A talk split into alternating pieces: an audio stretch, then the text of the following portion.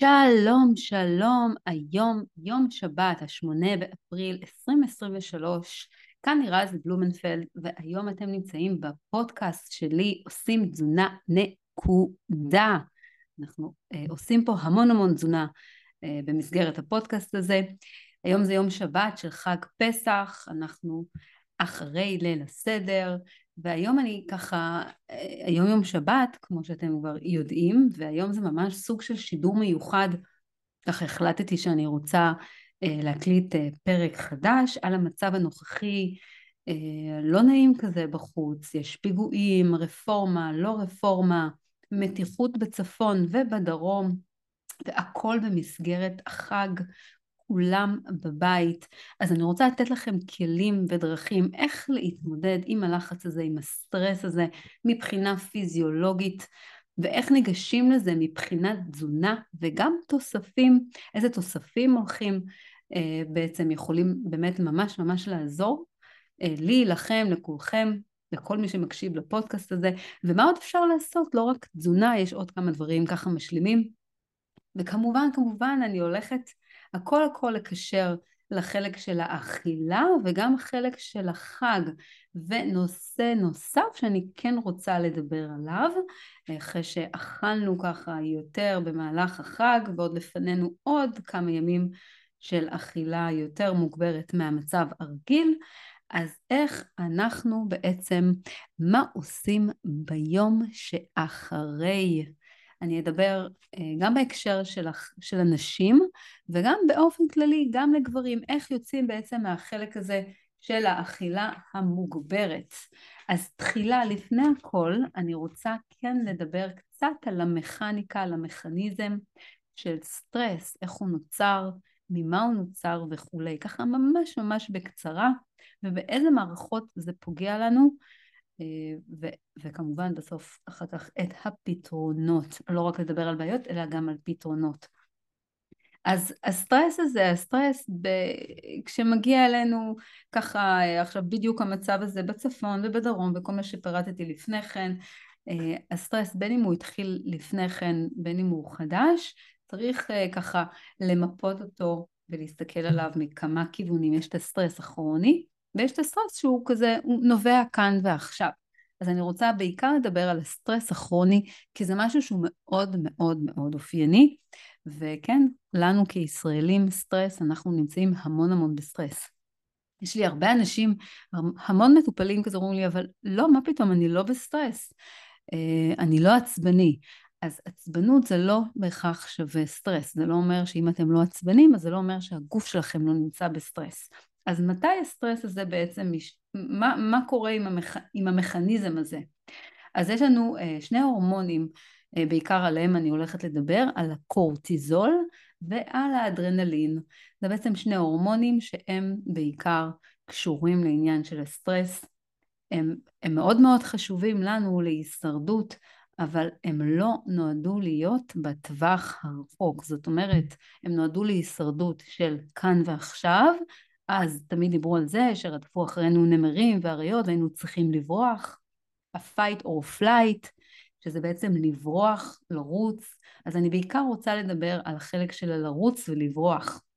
זה מעורר אה, בנו כל מיני, כל מיני רגשות ותחושות, בין היתר פחדים, דאגות, חרדות, אוקיי? עכשיו זה גם מרגיש לנו בגוף בצורה מסוימת, זה יכול במידה ויש סטרס מאוד מאוד גבוה, זה יכול להיות ממש כמו אה, פאניקה, שאנחנו לא מרגישים שאנחנו בשליטה. הנשימה שלנו הופכת להיות כזאת, היא ממש מאוד מאוד מהירה, הדופק מהיר יותר, לחץ הדם כמובן מושפע מהסיפור הזה, ורמות הקורטיזול בדם עולות, אוקיי? זה הסטרס. עכשיו, מה קורה בעצם כאשר הסטרס הזה נתקע בגוף. זאת אומרת, הוא נתקע לנו להרבה זמן, ואז הוא הופך להיות כרוני. זאת אומרת, כמו שאמרתי, יש את הטווח הקצר ויש את הטווח הארוך. בטווח הקצר זה נועד להישרדות, זה דברים חיוביים. הגוף צריך את זה בזמן הישרדות, אבל כאשר זה הופך להיות אה, משהו לטווח הרחוק והארוך, את זה אנחנו לא רוצים. למה? כי זה פוגע לנו בהרבה הרבה הרבה מערכות ואני ממש אעבור על זה ככה ממש בקצרה, בקצרה, רק אולי תמצאו את עצמכם, פתאום אתם תגלו שוואו, זה, זה נוגע אליי, זה נוגע אליי וכולי, וואי נכון, יש לי גם את זה. אז, אז קודם כל סטרס הוא מאוד מאוד פוגע לנו בשינה. אתם מכירים את זה שאתם מתעוררים ככה פתאום בשתיים לפנות בוקר? אז, אז תכירו, זה הסטרס, זה אחד מה, אחת מהצורות שלו ככה, לומר טוק טוק אני פה. אמ, עכשיו, בשעה שתיים לפנות בוקר, רמות הסטרס, הקורטיזול צריך להיות הכי הכי נמוך, הוא צריך להיות הכי גבוה בשעות הבוקר. ואם זה קורה אצלכם בשתיים לפנות בוקר, אתם יכולים לחתום, הגוף שלי נמצא בסטרס. ואז אתם מתעוררים, אתם ערנים לחלוטין, אתם יכולים לקום לעבוד, ואתם לא תצליחו ללכת לישון, ואז ברגע שתחזרו לישון אתם תישנו לאורך כל הבוקר, זה אומר שעשיתם סוויץ', אוקיי? אז זה, זה תופעה של סטרס, זה אומר לנו בדיוק שאנחנו בסטרס. אה, מערכת הלב, הלב שלנו, לחץ הדם, דפיקות לב מהירות, אוקיי? הקורטיזול הוא גם, הוא גם אה, בצורה הנכונה והטובה שלו, הוא אנטי דלקתי, אבל במצב שהוא הופך להיות כרוני, למצב מתמשך, הוא הופך להיות בדיוק ההפך. ככה כל מיני מחלות דלקתיות הן מאוד מאוד קשורות לרמות סטרס גבוהות ומתמשכות. כל מיני, כל מיני בעיות שקשורות לסטר... לדלקתיות. גם מערכת החיסון שלנו היא נפגעת מאוד מאוד מסטרס. במצב הנכון, זאת אומרת מערכת החיסון היא עובדת טוב עם הקורטיזול, אבל ברגע שהקורטיזול הפך להיות כרוני, אז הוא בעצם סוג של שאט דאון, הוא ככה, הוא, הוא, הגוף שלנו הרבה יותר חשוף, הרבה יותר חלש, והוא ממש יכול להשתיק את מערכת החיסון, ו, וככה אה, הווירוסים ככה יכולים להשתלט, וכל מיני פתוגנים, סרטנים חלילה וכולי. דבר נוסף, מבחינה קוגניטיבית, כן, מבחינה קוגניטיבית, רמות גבוהות של סטרס משפיעות עלינו ממש ממש ממש לרעה, אמ, וזה גורם לנו לערפול, לחוסר פוקוס, גורם, כמו שאמרתי, לירידה קוגניטיבית ושכחה ופגיעה ממש בזיכרון עד לרמה כזאתי. דבר נוסף, רמות גבוהות של סטרס גורמות ממש, זה מפריע לספיגה של מינרלים, גם לכל, ה, לכל מה שקשור לויטמינים ומינרלים, זה, זה ככה מאוד מאוד, אה, אה, מאוד חזק במקום הזה, בעיקר את, את האשלגן, ויטמין D, שזה גם קשור למערכת החיסון, אוקיי? אז צריך להבין כמה הסטרס הוא יכול להיות כל כך פוגעני ובעייתי בשבילנו, אז אתם ממש צריכים להתייחס לזה וחלילה ככה לא להגיד, אוקיי, בסדר, כולה סטרס, נעבור את זה, אנחנו במדינה שמלאה בסטרס. והכל נכון, אנחנו באמת אה, חיים בעולם רווי בסטרס, אבל זה לא אומר שאנחנו לא יכולים לעזור לעצמנו, לעזור לסובבים אותנו ולעזור לגוף שלנו לקבל את הסטרס הזה בצורה טובה יותר. והיום אני הולכת ללמד אתכם ממש אה, בנוסף לטכניקות, איזה תזונה מתאימה למצב, אה, למצב, למצב כזה של סטרס, וגם התוספים. אה, הסטרס כמובן הוא משפיע גם על, על רמות החומציות אצלנו, אני אשים את זה כרגע בצד, אני לא ארחיב לגבי זה, הוא גם קטבולי, זאת אומרת שהוא מפרק שרירים לאנרגיה, זה גורם לנו להיראות פשוט גם הרבה יותר זקנים, אוקיי? צריך להבין את זה שזה משפיע עלינו מבחינה חיצונית, אנחנו נראים תשושים יותר, עייפים יותר, חסרי אנרגיה. אמ, זה גם גורם לנו בעצם לאיבוד של מסת עצם, ממש גידול של מס, במסת העצם. מבחינת הכליות שלנו זה גם גורם אה, לסינון להיות פחות, פחות טוב. זה גם גורם לרמות הסוכר לעלות, ובחלק הזה אני הולכת להרחיב בהקשר של האכילה, איך זה משפיע, ואז אה, זאת הסיבה שככה רציתי לתת לכם מה עושים ביום שאחרי, למה? גם רמות הסטרס גבוהות החג הזה, בגלל המצב הביטחוני וכולי, וגם המצב הפנימי שלנו, וגם שכמובן החג גורם לנו לאכול הרבה הרבה יותר, אז אני רוצה באמת לתת את זה ביחד. עוד דבר שרמות הסטרס גורמות, זה גורם ממש לבעיות במערכת העיכול, זה גורם לחומציות לרדת וזה מפריע לספיגה ולעיכול, לעצירות, לכאבי בטן, לשלשולים וכולי וכולי. קודם דיברתי על העניין של, ה, אמ, של הוויטמין D, אבל גם בהקשר של מערכת החיסון, זאת אומרת מערכת העיכול, גם, גם פה בהקשר הזה ויטמין D שום נכנס. אז מה אפשר לעשות? וואו, אפשר לעשות כל כך הרבה, אין לכם מושג כמה דברים אפשר ככה לעזור לגוף שלנו, לאזן את הרמות האלה, בסדר?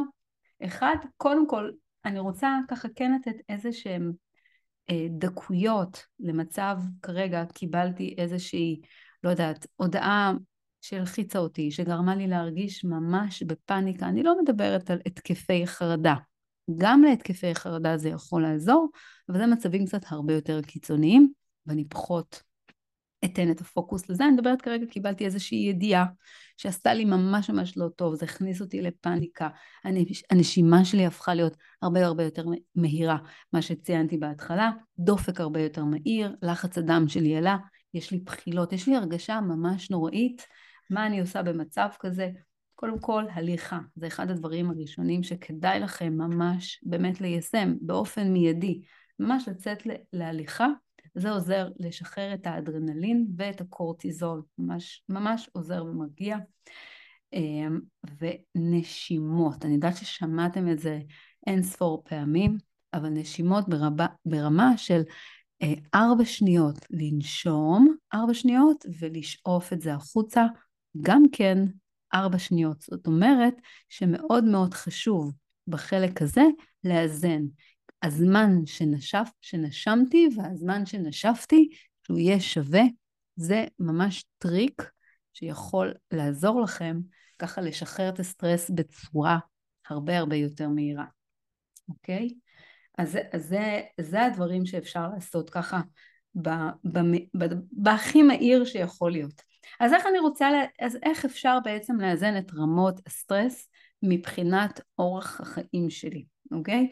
אז עבודה פיזית, כמובן כל משהו שהוא קשור באימונים, גם, גם אימון רגיל בחדר כושר, יציאה, יציאה לעשות איזושהי הליכה וכולי, אבל אחד הדברים הכי הכי טובים זה ממש כמו עבודה פיזית, עבודה בגינה אם יש לכם, עבודה אה, בגג אם יש לכם, או סתם לצאת ולעשות איזושהי עבוד, אפילו עבודות בבית.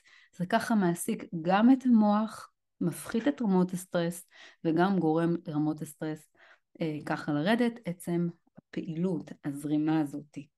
אוקיי? דבר נוסף, אנחנו צריכים באמת להעסיק את המוח שלנו בכל מיני פעולות הסחה, בשביל לא להיתקע ולהיכנס עוד יותר לתוך הסטרס, עוד יותר לדאגנות. אם אני דואגת על משהו, המצב מאוד מאוד מלחיץ אותי, אני לא רוצה כל היום להיכנס לחדשות ולהיכנס לזה עוד יותר ועוד יותר. אני רוצה לעשות פעולות שהן ישכיחו אותי. עכשיו, זה לא ישכיח ממני את המצב, נכון? זה לא הולך להשכיח ממני את המצב, אבל אני הולכת להסיח את דעתי ולא לגרום למצב הזה להיטמע יותר ויותר. עכשיו, מבחינת התזונה, כמובן אתם כבר יודעים, אתם מקשיבים לפודקאסט הזה, אתם יודעים שהתזונה שאני ממליצה עליה זו תזונה שהיא דלה בפחמימות ותזונה קטוגנית. התזונה הזאת היא ממש פלא, והעזרה הראשונה הכי טובה, לא עזרה ראשונה, סליחה, זאת לא העזרה הראשונה, זו העזרה שלפני הראשונה. זאת אומרת שאם אתם עושים תזונה דלת פחמימות או תזונה קטוגנית, מראש הגוף שלכם יודע להתמודד עם רמות סטרס בצורה הרבה הרבה יותר טובה. כמובן שזה לא הוקוס פוקוס, זה לא אה, זהו, אני עושה תזונה קטוגנית, אז אני ככה אה, חסינה מכל דבר, ממש ממש לא. אבל זה כבר מפחית את רמות הסטרס. אז, אז אם אתם לא עושים תזונה קטוגנית או תזונה דלת פחמימות, זה הזמן, ואתם סובלים המון מסטרס, זה הזמן להיכנס לתזונה המדהימה הזאת, היא תעזור לכם מאוד. דבר נוסף זה הצומות, צומות לסירוגין בכל צורה, בכל דרך. יש צומות שמתחילים אה, אחרי 12 שעות, יש 13, 14 ויש כאלה שעושים ממש צומות הרבה יותר ארוכים ואפילו ימים, זה לא חלילה, אני ממליצה לעשות פה עכשיו איזה שהם צומות של כמה ימים, ממש ממש לא, להפך, צומות של כמה ימים זה צומות שצריכים להיות מבוקרים ומפוקחים על ידי איש מקצוע שצריך לתת להם, לכם הנחיות מדויקות איך עושים את זה. אבל אם הגוף שלכם מכיר את הצומות, אז בואו תיישמו, תיישמו, תתחילו עם 12 שעות, תעלו ל-13, 14, 15, כמה שהגוף שלכם מסוגל כל עוד, זאת נקודה ממש ממש חשובה. הרבה פעמים כאשר רמות הסטרס שלנו גבוהות מדי, אנחנו להפך דווקא לא יכולים לעשות צומות ארוכים, זה יכול אפילו להיות איזשהו אמ, טריגר מבחינת הצומות ואפילו לגרום לנו ליותר סטרס. אם הגוף שלכם נמצא ב stage הזה, אז אתם לא יכולים לעשות צומות ארוכים. כמו שאמרתי, ממליצה לעשות צומות קצרים יותר, לאזן את הגוף אה, מבחינת הפיזיולוגיה, שאני אדבר על זה עוד קצת בהמשך, ואז יהיה אפשר באמת לפתוח את המרווחים ולהוסיף יותר שעות לסטרס, אה, שעות לצומות. אה, דיברתי קודם על הנשימה ושאיפה, שצריך לעשות את זה בצורה שווה, אבל באמת הכי טוב זה ארבע שניות, זה יכול מאוד מאוד לעזור לכם. כמובן, כמובן, כמובן, לשתות נוזלים זה דבר חשוב, כולכם יודעים את זה, ומבחינת איפה התוספים יכולים פה לבוא לסייע לי. אחד הוויטמינים הכי הכי הכי מרכזיים וחשובים בהקשר של סטרס זה ויטמין B1. B1 הוא ממש יכול לעזור בצורה כמעט מהירה, זאת אומרת לקחת אותו בזמן של סטרס, זה ממש באמת עזרה ראשונה. שיהיה לכם אה, ויטמין B1 בבית, בקופסה, מוכן בדיוק למצבים כאלה, שלא יגיעו כמובן, אבל עדיף שזה יהיה B1 אתם בתקופות של סטרס, אז אני תמיד ממליצה להתחיל לקחת ויטמין B1, אפילו כל כמה שעות עוד אחד ועוד אחד, עד שבאמת המצב מתחיל להתאזן. כמובן צריך גם לעשות את כל יתר הדברים, זה לא רק בואו נשען רק על, על הוויטמין הזה והכל יהיה טוב, ממש לא. אמ, עוד דבר, מגנזיום ופוטסיום, שזה אשלגן, זה ממש קומבינציה מעולה, זאת אומרת מבחינת B1 שיהיה לכם בבית, מגנזיום, פוטסיום בכלל באופן כללי, אלו הם מינרלים שהם מאוד מאוד חשובים, הם קשורים לכל החלק של ההרגעה, הרפייה, וזה יכול מאוד לעזור עם רמות הסטרס, גם אם מישהו נמצא במצב של סטרס מאוד מאוד גבוה, אז אני מאוד ממליצה לקחת איזשהו קומפלקס מסוים לאורך כל היום, לאורך מספר ימים. כמובן אני עושה לזה התאמה אישית, אני לא, אני לא אציין איזה, איזה כמויות, כי אני עושה לזה באמת את העניין של ההתאמה אישית. אפשר גם לצרוך את זה דרך מזון, דווקא מאוד מאוד מומלץ, דרך ירקות, ירקות ירוקים בעיקר, וויטמין D, הרבה אנשים לא יודעים שוויטמין D הוא קשור גם למצב רוח, מצב רוח טוב, זאת אומרת אנחנו יכולים שיהיה לנו ויטמין D מאוד נמוך ואנחנו אפילו לא מבינים עד כמה זה קשור למצב רוח. שוב, זה לא שאני אקח ויטמין D וזהו ואני אתחיל לחייך לי כל היום. זה לא משהו שהולך לקרות. עוד תוסף, אמ, זה ממש יותר קשור לצמחים. צמחים אדפטוגנים, יש המון המון צמחים אדפטוגנים שאפשר לקחת ולהכין בחליטה. אה, אחד מהכי הכי מוכרים שככה מאוד מאוד עוזרים ואני מאוד אוהבת, מאוד מאוד אוהבת לעשות איתו שימוש זה אשווגנדה, אוקיי? אפשר להשיג את זה בתוסף ממש ממש בקלות, יש את זה בכל מקום, אז כדאי מאוד לעשות בזה שימוש. זה, כל הקומבינציה הזאתי, כמו שציינתי, כל זה, אם תעשו את זה ביחד, זה יכול מאוד מאוד לעזור בזמן של סטרס. מה עוד אפשר לעשות? עכשיו, אני עוברת לחלק של סטרס ואכילה, אוקיי? אני שמה כרגע בצד את כל החלק שדיברתי על, על המצב, על הרפורמה ולא רפורמה ו, ופיגועים והמצב בצפון ובדרום וכולי וכולי. עכשיו אנחנו עוברים לדבר על איך הסטרס הזה משפיע לנו על האכילה ואיך אנחנו בעצם ניגשים לטפל בזה. אז קודם כל סטרס ואכילה, קורטיזול, כמה שדיברתי עליו, עכשיו אני רוצה ככה להתמקד בקשר של אכילה. כאשר רמות הסטרס שלי גבוהות, לא סתם אומרים שהסטרס הוא משמין, כן, יש איזה ממש בסיס פיזיולוגי. כאשר רמות הסטרס שלי עולות, זה גורם בסופו של דבר לעלייה ברמות האינסולין, אוקיי? אני ככה, אני מדלגת על כמה שלבים, אני מביאה אתכם ישר להמשך. ברגע שהאינסולין שלי עולה, אוקיי? אמ, שלא בנוכחות אה, סתם ארוחה כרגיל, כן? כי האינסולין מופרש כאשר אנחנו אוכלים. אני מדברת על רמות הסטרס במהלך היום. זה גורם ל craving, זה גורם לרעב. זה כשאתם בסטרס, מה בא לכם? בא לכם לאכול. ומה בא לכם לאכול? תהיו רגע כנים, זה ממש ממש לא יהיה סטייק, נכון? לא עכשיו אני עצבנית וזה, זה, בא לי לאכול סטייק. לא. בא לי יותר לאכול גלידה, בא לי לאכול יותר שוקולד, או משהו פחמימתי, משהו מתוק. זה ה craving. אז כמה טיפים, איך אתם הולכים להתמודד עם הרעב הזה, שהוא לא באמת רעב, הוא משהו אחר לחלוטין. אז קודם כל, אל תשאלו בדרך כלל אני תמיד אומרת למטופלים שלי, תשאלו את עצמכם מה בא לכם לאכול, אז פה אני אומרת, אל תשאלו את עצמכם מה בא לכם לאכול, כי אז אתם תקבלו את התשובה הלא נכונה, מן סתם. מה בא לי לאכול? בא לי לאכול שוקולד מתוק, אוקיי? אז, אז אני פה במקום הזה, אני לא רוצה להקשיב לגוף שלי, ממש לא. אני רוצה להתעלם מהרעב הזה, מהרעב הזה לפחמימה.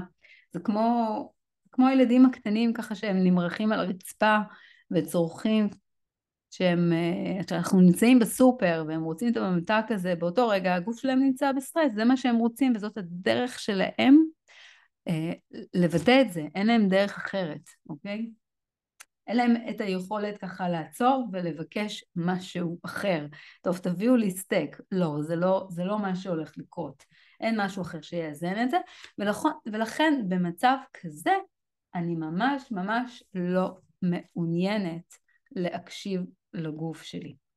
אז כמו שציינתי קודם, אם אני רוצה ככה לגרום לירידה אה, ברמות הסטרס באופן מיידי, אז אחד הדברים שאני רוצה לעשות זה לעשות שימוש בוויטמין B1. הוא באמת, אה, אפילו תחזיקו לכם ככה כמה בתיק שיהיה לכם למצבים כאלה. דבר נוסף שמן MCT, דיברתי עליו, אני מדברת עליו, אני עוד אדבר עליו כל כך הרבה, עד כמה שהוא יכול ככה לווסת לנו את הרעב, את ה craving, ולגרום לייצור של קטונים לאנרגיה, וזה יכול לעצור את הסיפור הזה. או לפחות להאט אותו. גם שמן קוקוס יכול לעשות את הדבר הזה, שמן קוקוס אגב מכיל גם כן MCT, אבל כמובן לא באותו כמות, לא באותה הכמות. אז, אז אני רוצה בעצם לעצור את כל זה. אגב, אחד הדברים שהאדרנלין וגם הסטרס וגם הקורטיזול, אה, הסטרס, הקורטיזול ואדרנלין ביחד, זה יכול בעצם ליצור עוד כל מיני תופעות לוואי. אתם בטח יודעים למה אני מתכוונת, יש לי פתאום איזשהו רעד כזה, ובחילות, וגם עצבנות, וגם אה, חרדה ואפילו חיוורון ברמה כזאת, זה יכול להיות משהו ברמה של סטרס מאוד מאוד גבוה באותו רגע. אז מה שציינתי, ה-B1, הנשימות, ההליכה, ה-MCT או השמן קוקוס, זה דברים שיכולים לעזור לי אה, בטווח המאוד מאוד מאוד קצר. אוקיי? ו- ותמשיכו לקחת כמובן את המגנזיום אה, שצריך ככה להכניס אותו כדרך אה, קבע ללא קשר לסטרס או לא. אה, גם אה, תה לימון יכול לעזור פה, כמה שזה נשמע לא הגיוני, תה לימון יכול גם כן להרגיע. יש עוד, יש עוד מזונות שיכולים לעזור לנו, גם שוקולד מריר, יש בו חומרים שיכולים להרגיע ולסייע לנו אה, במלחמה הזאת עם הסטרס. אה, אז אני, אז אני אשים את זה בצד בכלל. איך, איך אנחנו מתמודדים עם הסטרס? נגיד אכלתי ככה בארוחת החג, התפרעתי, אכלתי, אכלתי מזונות שהם לא בתזונה הרגילה שלי, או שאכלתי יותר מדי אוכל ועכשיו גם כבד לי וגם מרגיש לי לא בנוח, אבל אני בעיקר רוצה לדבר על היום שאחרי, אחרי המלחמה, מלחמת ההתשה שקורית לנו בערב החג.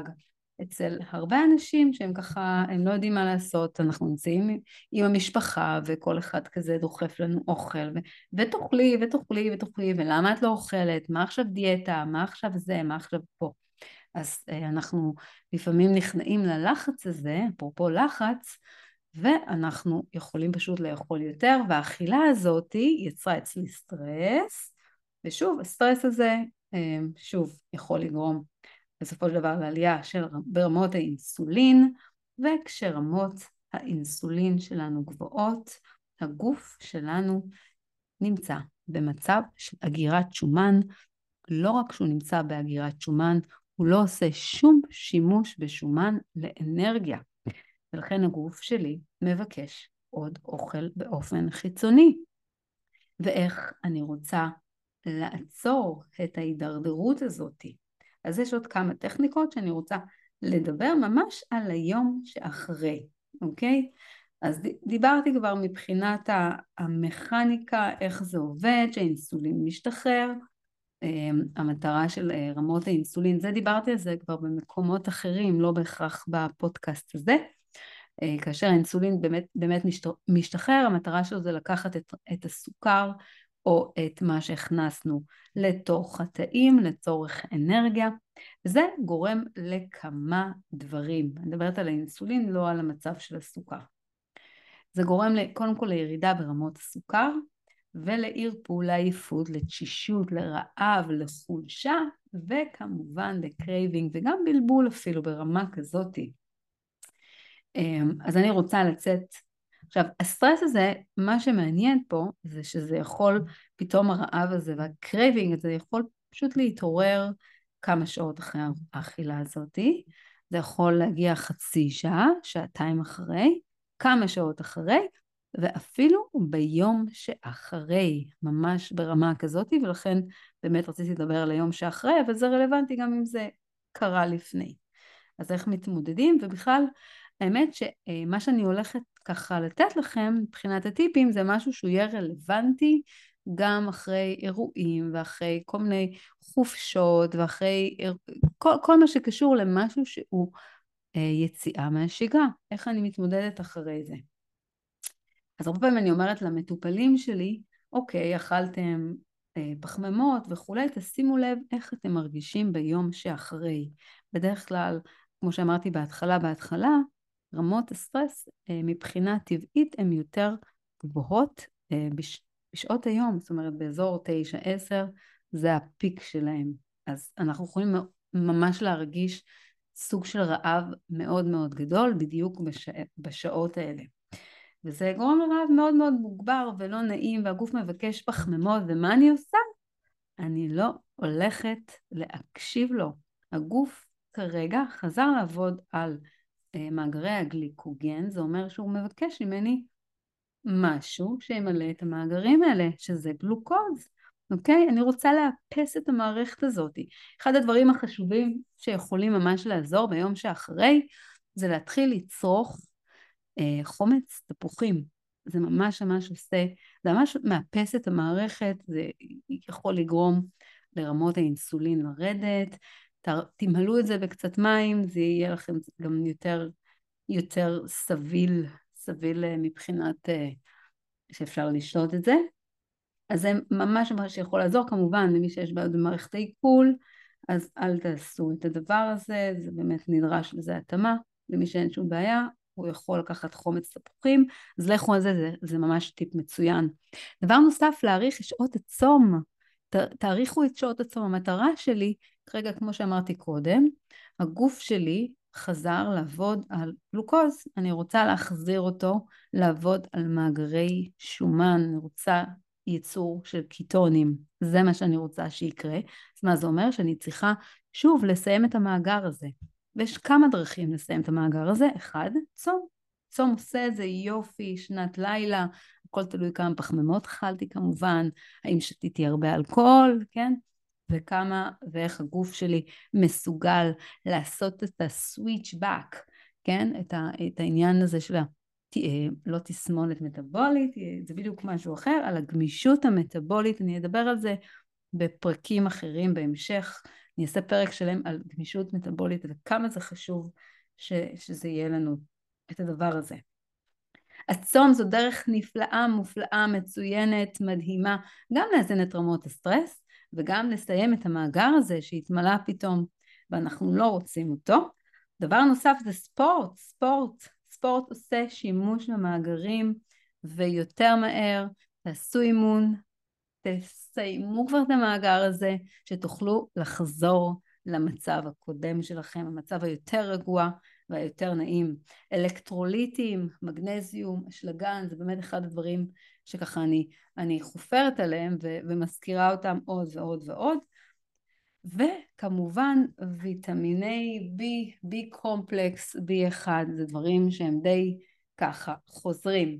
זהו, ככה אני הולכת לאזן את רמות הסטרס שלי בקלות יחסית. עכשיו כמובן אם יש לכם סטרס כרוני וקשה וכולי, אחד הדברים שלא ציינתי כמו ששמתם לב, אולי לא, לאורך כל הפודקאסט הזה, זה עניין של השינה. כן, דיברתי איפה זה, איך זה, איך זה מתבטא כשזה לא טוב, אבל כמובן, מעל הכל, אמ, יחד עם כל הדברים האלה, צריך בעצם אמ, לאזן ולאפשר לגוף לח- להיכנס למצב שינה. עכשיו, במצב, הרבה פעמים שיש מצב של סטרס מאוד גבוה, מאוד מאוד קשה לגוף להירגע ולהיכנס לשינה. אוקיי? ולכן כל מה שציינתי זה בעצם מיועד להרגעה, להפחתה ברמות הסטרס, ואז לגוף הרבה יותר קל להיכנס ל mode חזרה של שינה. אז שינה טובה בהחלט הולכת להרגיע פה את כל ה system.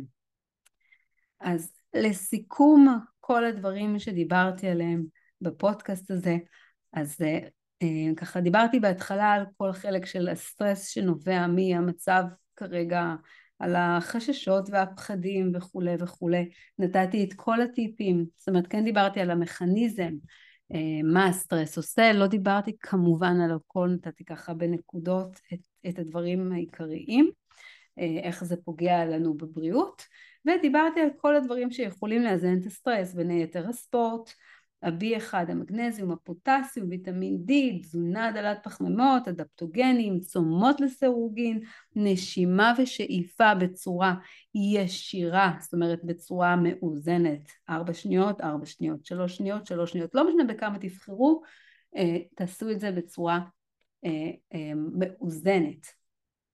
ודיברתי על חלק של איך אני מאזנת את האכילה שלי אחרי החג, או זה יכול שוב להתאים לכל אה, מצב שהוא יציאה מהשגרה, שאכלתי יותר מדי ואני רוצה לאזן את זה ולא לגרום לזה להידרדר. אתם מכירים את זה שכאילו יאללה אכלתי אם כבר אז כבר אז יאללה בואו נתפרע על הכל, עזוב תעצרו את זה ישר שמה, למה? כי אתם מבינים עכשיו אחרי שאתם דיברתי על המכניקה שזה מה שהגוף מבקש ומה אמרתי? אנחנו לא מקשיבים לגוף שלנו שהוא לא מאוזן. לא מקשיבים לו, הוא לא מאוזן, הוא בכלל לא, אין לו צד בעניין, הוא לא מחליט. אתם אלה שמחליטים מה אתם הולכים לעשות, כמו שאמרתי, אה, הצומות מאוד מאוד עוזרים בחלק הזה, ספורט בשביל לכלות את מאגרי הגליקוגן שהתמלאו להם בחזרה, וכמובן הספורט, אוקיי? וויטמין B קומפלקס, B1, מגנזיום וכולי. זהו, עד לכאן הפודקאסט שלי, עושים תזונה, נקודה. תראו איך אפשר באמצעות כמה טריקים יחסית פשוטים, אם אתם עושים כבר תזונה דלת פחמימות או קטוגנית, כן? מי שלא עושה תזונה כזאתי, זה הזמן, זה הזמן עכשיו להיכנס לתזונה המדהימה הזאת. אז עד לפעם הבאה, שיהיה לכם חג שמח, ואנחנו נשתמע. ביי להתראות.